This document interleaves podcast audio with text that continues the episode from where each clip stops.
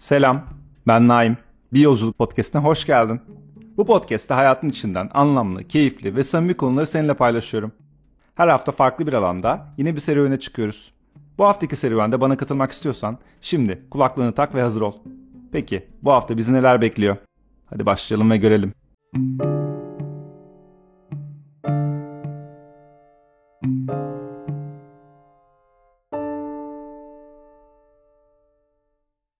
Selam. Umarım iyisindir.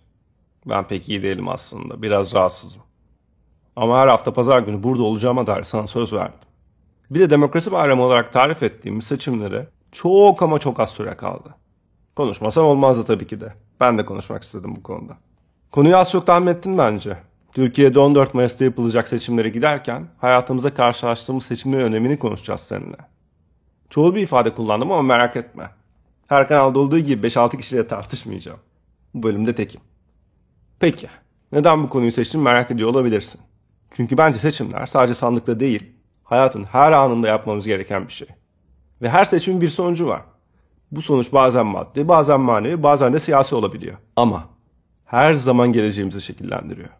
Bu yüzden seçimlerimizi bilinçli ve sorumlu bir şekilde yapmamız çok ama çok önemli. Bu bölümün adını da bilinçli bir şekilde seçtim. Seçimlerimiz bizim mi? Bir gelecek yolculuğu. Seçimlerimizle hem kendi hayatımızın hem de ülkenin geleceğinin yönünü belirliyoruz.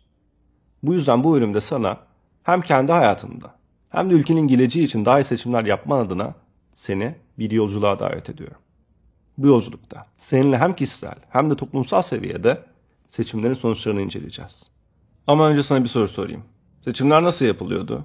Evet evet ciddiyim ya. 4 yılda seçim olmuyor yahu. Sanki unuttuk gibi. Biz her sene seçim olmasına alıştık. Hatta şikayet ederdik yine mi seçim yine mi seçim yine kime gidip basacağız kime oy kullanacağız diye. Ama şimdi özledik mi ne? Neyse. Bu konuda araştırma yaparken şuna rastladım. Türkiye'de en çok katılma olduğu seçim 87'de yapılmış. O zaman %92 oranında oy kullanılmış. Ama en az katılma olduğu seçim 2002'de yapılmış. O zaman %79 oranında oy kullanılmış. Aslında bu bile gelişmiş ülkelerle karşılaştırılınca çok yüksek. Bu arada bu iki seçimin ortak noktası ne biliyor musun? İkisinde de ANAP iktidardan düşünmüş. İlginç değil mi? Gerçi ANAP'ın haline bakınca pek de ilginç değil de neyse. O konulara belki başka zaman gireriz. Bunları öğrenince çok şaşırdım. Peki ya sen? Senin hayatında yaptığın veya yapamadığın seçimler neler? Bu seçimlerin sana ne gibi sonuçları oldu ya da olacak? Bu soruları kendine sormak istersen bu bölüm tam da sana göre. Çünkü ben de bu soruların peşine düşeceğim. Belki sen de bana eşlik edersin. Öncelikle bu konuyla ilgili olarak seçim kavramını genişletelim. Seçim sadece sandığa gidip oy vermek değil. Seçim aynı zamanda hayatımızın her alanında karşılaştığımız bir durum. Her gün birçok seçim yaparız aslında.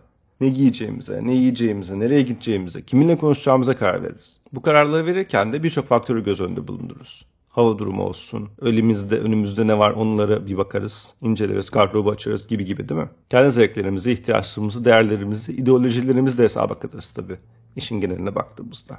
Bazen de seçim yapmak zorunda kalmayız. Çünkü bize seçim yapma hakkı tanınmaz. Ya da bize seçim yapma şansı verilmez. Eski bir siyasetçi hatta başbakanımız ne diyor? Hayır Demirel'den bahsetmiyorum. Bu seçim döneminde de hep Demirel'den atıf yapılıyor yahu. Ne diyor rahmetli Ecevit? Seçimlerinizi yaparken kendinizi sadece bugünün değil, yarının da sorumlusu olarak görün. Bu sözü duyunca aklıma bir kitap geldi. Viktor Frankl'ın İnsan Anlam Arayışı kitabı. Tanıdık geldi mi? Sanırım biraz gelmiş olabilir. Geçen hafta anlam arayışı bölümü üzerinde konuşmuştuk ya. Merak edenler ilk bölüme gidebilir. Orada daha detaylı anlatıyorum. Bu kitapta Frankl insanın hayatın anlamını nasıl bulabileceğini anlatıyor. Frankl'a göre insanın hayatın anlamını bulmasının üç yolu var. Bir iş yapmak, bir aşk yaşamak veya acı çekmek. Evet, acı çekmek.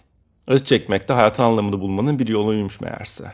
Frankl bu kitabında kendi yaşadığınız toplama kampındaki deneyimlerini anlatıyor.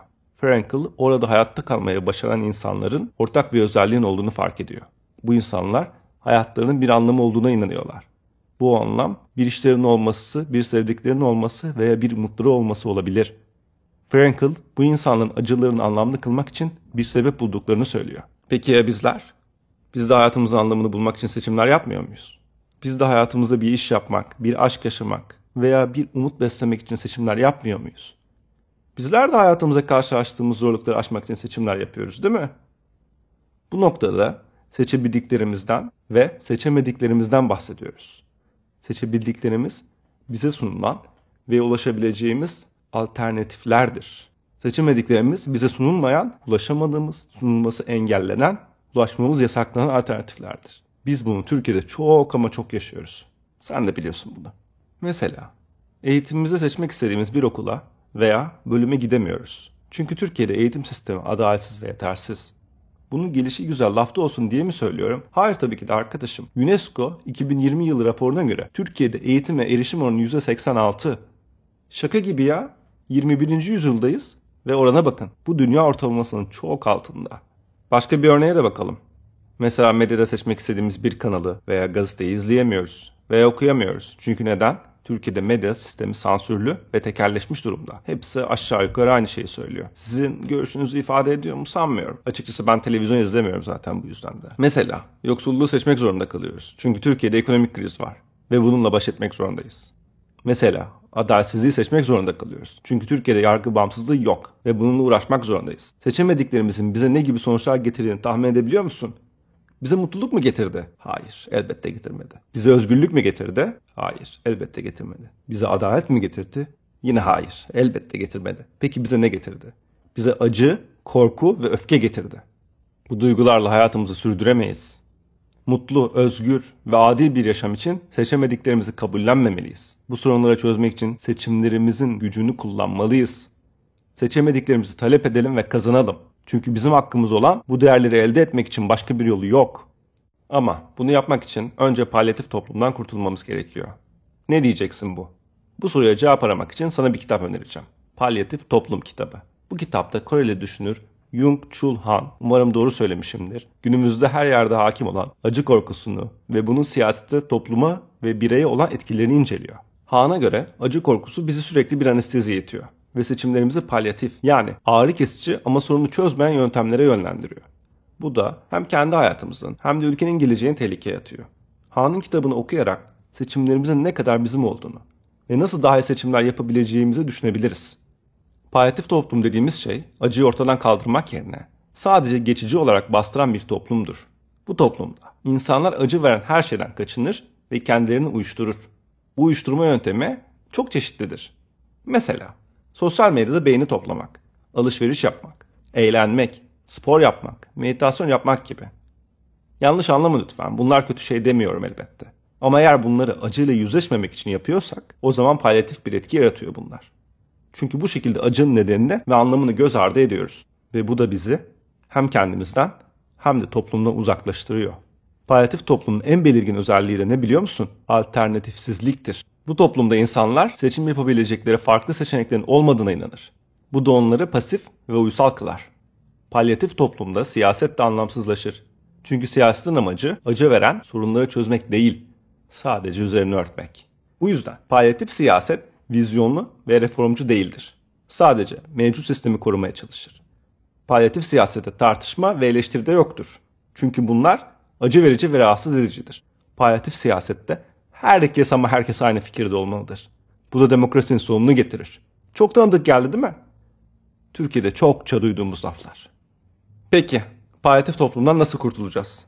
Han'ın önerisi acıya cesaret etmektir. Acının bize ne söylediğini dinlemek ve onunla yüzleşmektir. Acının bizi nasıl değiştirdiğini ve geliştirdiğini görmektir. Acının bize yeni bir bakış açısı kazandırdığını fark etmektir. Bizi hem kendimize hem de başkalarına yakınlaştırdığını anlamaktır. Bize yeni bir gelecek, hayal etmemizi sağladığını keşfetmektir. Acıya cesaret etmek kolay değil elbette. Bunu ben de biliyorum. Ama bunu yaparsak hem kendi hayatımızda hem de ülkenin geleceğine daha iyi seçimler yapabiliriz. Çünkü acıya cesaret eden insanlar palyatif olmayan insanlardır. Onlar sorunları çözmeye çalışan, alternatif üreten, vizyon sahibi olan, tartışan ve eleştiren, demokratik olan insanlardır. Ve biz inanıyoruz ki seçimlerimizin sonucu bize umut getirecek. Buna sen de inanıyorsun. Peki bu umudu nasıl yakalayacaksın? Amerikalı yazar ve aktivist James Baldwin diyor ki bir şeyi değiştiremezsiniz. Önce onu kabul etmedikçe. Ama onu kabul ettiğinizde onu değiştirmek zorundasınız. Biz de bunu yapmalıyız. Seçemediklerimizi kabul etmeli ve sonra onları değiştirmeliyiz. Eee söylemesi kolay da bu değişimi nasıl yapacağız Naim diyebilirsin. Dünyaya bakalım biraz derim ben de sana. Dünyada seçemediklerini değiştiren başka insanlar var mı? Cevap tabii ki var. Tahmin edersin ki bu örneklerden bir sürü var. Mesela Brezilya'da yaşayan insanlar ülkelerindeki yolsuzluk ve eşitsizlik karşısında seçemediklerini talep etmek için sokaklara çıktılar. Milyonlarca insan hükümeti istifaya çağırdı ve daha iyi bir yaşam istedi. Bunlar sonucunda Brezilya'nın eski devlet başkanı Dilma Rousseff, Bolsonaro'dan önceki, Lula'dan sonraki aslında. Lula'nın da hatta yerime halifim olarak seçilsin istediği kişi. Brezilya'nın da ilk kadın devlet başkanı. Ama o bu hakkı kötü kullandı. Ne yazık ki denize düşen yılına sırıldı ve onun yerine Bolsonaro geldi. Neyse ona da geleceğiz. Mesela Hong Kong'da yaşayan insanlar ülkelerindeki demokrasi ve özgürlük karşısında seçemediklerini talep etmek için sokaklara çıktılar. Milyonlarca insan Çin'in baskısına karşı direndi ve daha fazla hak istedi. Bunlar sonucunda özelliğini korumak için yeni yasalar çıkarıldı ve seçimler ertelendi. Bu yasalar ve seçimler Hong Kong halkının isteklerini yansıtmıyor. Halk daha fazla demokrasi ve özgürlük için mücadeleye devam etmek istiyor. Halk seçemedikleri bir yönetim altında yaşamak istemiyor. Hadi bir ülkeye daha bakalım. O da Sudan olsun. Sudan'da yaşayan insanlar yine diğer iki ülkedeki gibi sokaklara çıktılar. Neden peki? Diktatörlük ve zulüm karşısında seçemediklerini talep etmek için. Milyonlarca insan askeri junta ile mücadele etti ve demokrasi istedi. Bunlar sonucunda Sudan eski devlet başkanı Ömer el-Beşir devrildi ve yargılandı. Uluslararası Ceza Mahkemesi tarafından soykırım, savaş suçu ve insanlığa karşı suçlardan aranan Beşir 2019 yılında askeri darbeyle görevinden uzaklaştırıldı ve 2020 yılında yolsuzluk suçundan hapis cezasına çarptırıldı. Bu örnekler bize gösteriyor ki seçemediklerimizi talep etmek ve kazanmak mümkün ama bunun için cesur olmalıyız. Bunun için birlik olmalıyız. Biz de seçemediklerimizi değiştirebileceğimize inanmalıyız. Mesela Türkiye'de yaşayan bizler ülkemizdeki seçimlerin ne kadar önemli olduğunu biliyoruz. Çünkü seçimler ülkemizin geleceğini belirliyor. Seçimler ülkemizin yönetim şeklini, ekonomisini, dış ilişkilerini, insan haklarını belirliyor. Bu yüzden seçimlere katılmak ve oy vermek bizim için bir hak değil, bir sorumluluktur. Oy verirken de sadece kendimizi değil, ülkemizi düşünmeliyiz. Peki oy verirken nelere dikkat etmeliyiz? Nobel ödüllü ekonomist Amartya Sen şöyle diyor. Seçmenlerin oy verme davranışları üzerinde etkili olan en önemli faktörlerden biri de seçmenlerin kendilerini nasıl tanımladıklarıdır. O zaman bu konudaki ilk sorumuz şu. Kendimizi nasıl tanımlıyoruz? Bu sorunun cevabı oy verme davranışımız üzerinde büyük bir etkiye sahip. Biz kimiz? Laik miyiz? Muhafazakar mıyız? Solcu muyuz? Sağcı mıyız? Milliyetçi miyiz? Liberal miyiz? Feminist miyiz? Çevreci miyiz? Aslında biz bunların hepsiyiz ve hiçbiriyiz. Biz bunların hepsiyiz çünkü bizim kimliğimiz çok boyutlu ve zengin. Biz bunların hiçbiriyiz çünkü bizim kimliğimiz sabit ve dar değil. Biz bunların hepsini aşan kendine özgü birer bireyiz. Biz bunların hepsini aşan birbirine bağlı birer yurttaşız. İkinci sorun şu. Ülkeyi nasıl tanımlıyorsun? Bu sorunun cevabı oy verme davranışının üzerinde büyük bir etkiye sahip. Ülken nasıl bir yer? Ülkenin nasıl bir yer olmasını istiyorsun? Ülken nasıl bir yer olabilir? Ülken seçemediklerin esiri olan bir yer değil. Ülken seçtiklerin yansıması olan bir yerdir. Ülken seçebileceklerin potansiyeli olan bir yerdir. Ve inanıyorum ki seçimlerin sonucu sana umut getirecek. Üçüncü sorun şu. Ne istiyorsun? Açıkçası Türkiye için en güzelini istiyorum. Sen de istiyorsun. Ve şu anki konjektürde şunu da istiyorsun. Demokrasi istiyorsun. Çünkü demokrasi kendi kaderini belirlemenin en iyi yoldur. Demokrasi kendi yöneticilerini seçmenin en adil yöntemidir. Kendi hakları korumanın en güvenli aracıdır. Mesela demokraside seçimlerde oy verirken istediğin partiye veya adaya oy verebilirsin. Kimse sana baskı yapmaz, tehdit edemez ve rüşvet veremez. Tabii ki de. Bu senin için önemli değilse. O zaman demokrasi istemeyebilirsin. Ama o zaman da seçimlerin sonucundan şikayet etme hakkın olmaz. Çünkü sen zaten şikayet etmemişsin. Aslında bana soracak olursan demokrasi de pek iyi değil de. Ama neyse daha onu tartışacak ortamımız yok. Belki seçimden sonra o da gelir. Şimdilik demokrasinin en iyisi olduğunu varsayalım ve devam edelim. Mesela Türkiye'de yaşayan sen seçimlerde kimleri destekleyeceğine karar verirken şu soruları sormalısın. Hangi parti veya aday senin değerlerine uygun? Hangi parti veya aday senin çıkarlarını koruyor? Senin sorunlarını çözüyor senin hayallerini gerçekleştirmeyi vaat ediyor. Bu soruların cevaplarını bulmak için araştırman ve sorgulaman gerekiyor. Bu cevaplar bize oy verirken doğru karar vermeyi sağlayacak. Bu cevaplar bize seçimlerin bedelini ödemeyi gösterecek. Biz de bu kapsamda seçimlerde nasıl bir Türkiye istediğimizi belirlemeliyiz. Kemal Kılıçdaroğlu diyor ki, Türkiye'nin sorunu Erdoğan'dır. Erdoğan değiştirmeden Türkiye'yi değiştiremezsiniz. Evet, biz de bunu yapmalıyız. Biz de Erdoğan temsil ettiği siyasi sistemden kurtulmalıyız. Erdoğan temsil ettiği siyasi sistemden neden kurtulmalıyız? Çünkü bu sistem ülkemizi kötü yönetiyor. Bu sistem ülkemizi ekonomik krize sokuyor. Yoksulluk artıyor, işsizlik rekor kırıyor. Enflasyon 3 hanelere dayandı. Şimdi Allah'tan 43'lere falan geldi sanırım. Ne kadar güvenirseniz tabii. Döviz kuru fırladı, borçlanma tavan yaptı. Bu sistem ülkemizi adaletsizliğe mahkum ediyor. Başka neler oldu? Yargı bağımsızlığı yok edildi. İnsan hakları çiğnendi. Bu sistem ülkemizi özgürlükten yoksun bırakıyor. Basın özgürlüğü kısıtlandı, ifade özgürlüğü engellendi, toplantı ve gösteri hakkı baskılandı. Bu sistem ülkemizi dış dünyadan izole ediyor. Erdoğan temsil ettiği siyasi sistemden kurtulmak için ne yapmalıyız? Çok basit. Sandığa gidip oy vereceğiz. Oy verirken de, hadi sana itiraf ediyorum, Kemal Kılıçdaroğlu'na oy vereceğim. Çünkü Kemal Kılıçdaroğlu ülkemizi iyi yönetecek bir siyasi sistem sunuyor. Evet ben çok sıkıldım arkadaşlar. Tek adam, tek adam, tek adam nereye kadar? Biz artık gerçekten güzel ve düzgün bir sisteme ihtiyaç duymalıyız. O sistem bizi yürütmeli ve bize gerçekten de bir ışık sunmalı, bir umut sunmalı. Biz özgürce kendi ifadelerimizi istediğimiz gibi söylemeliyiz. Biz özgür ve demokratik bir cumhuriyet yapacak bir sistemle artık yönetilmeliyiz. Biz özgür olmalıyız. Özgürce ifademizi sunmalıyız. Aksine de bakalım neler olmuş diye. Erdoğan tipi dil kullanan popülist liderlere mesela. Şunu şimdi aklında tutacak şekilde dinlemeni istiyorum. Seçimler ülkelerin sadece kendi vatandaşlarını değil, diğer ülkelerin vatandaşlarını da etkiliyor. Francis Fukuyama diyor ki, popülist liderlerin seçilmesi demokrasinin gerilemesine ve uluslararası işbirliğinin zayıflamasına yol açtı.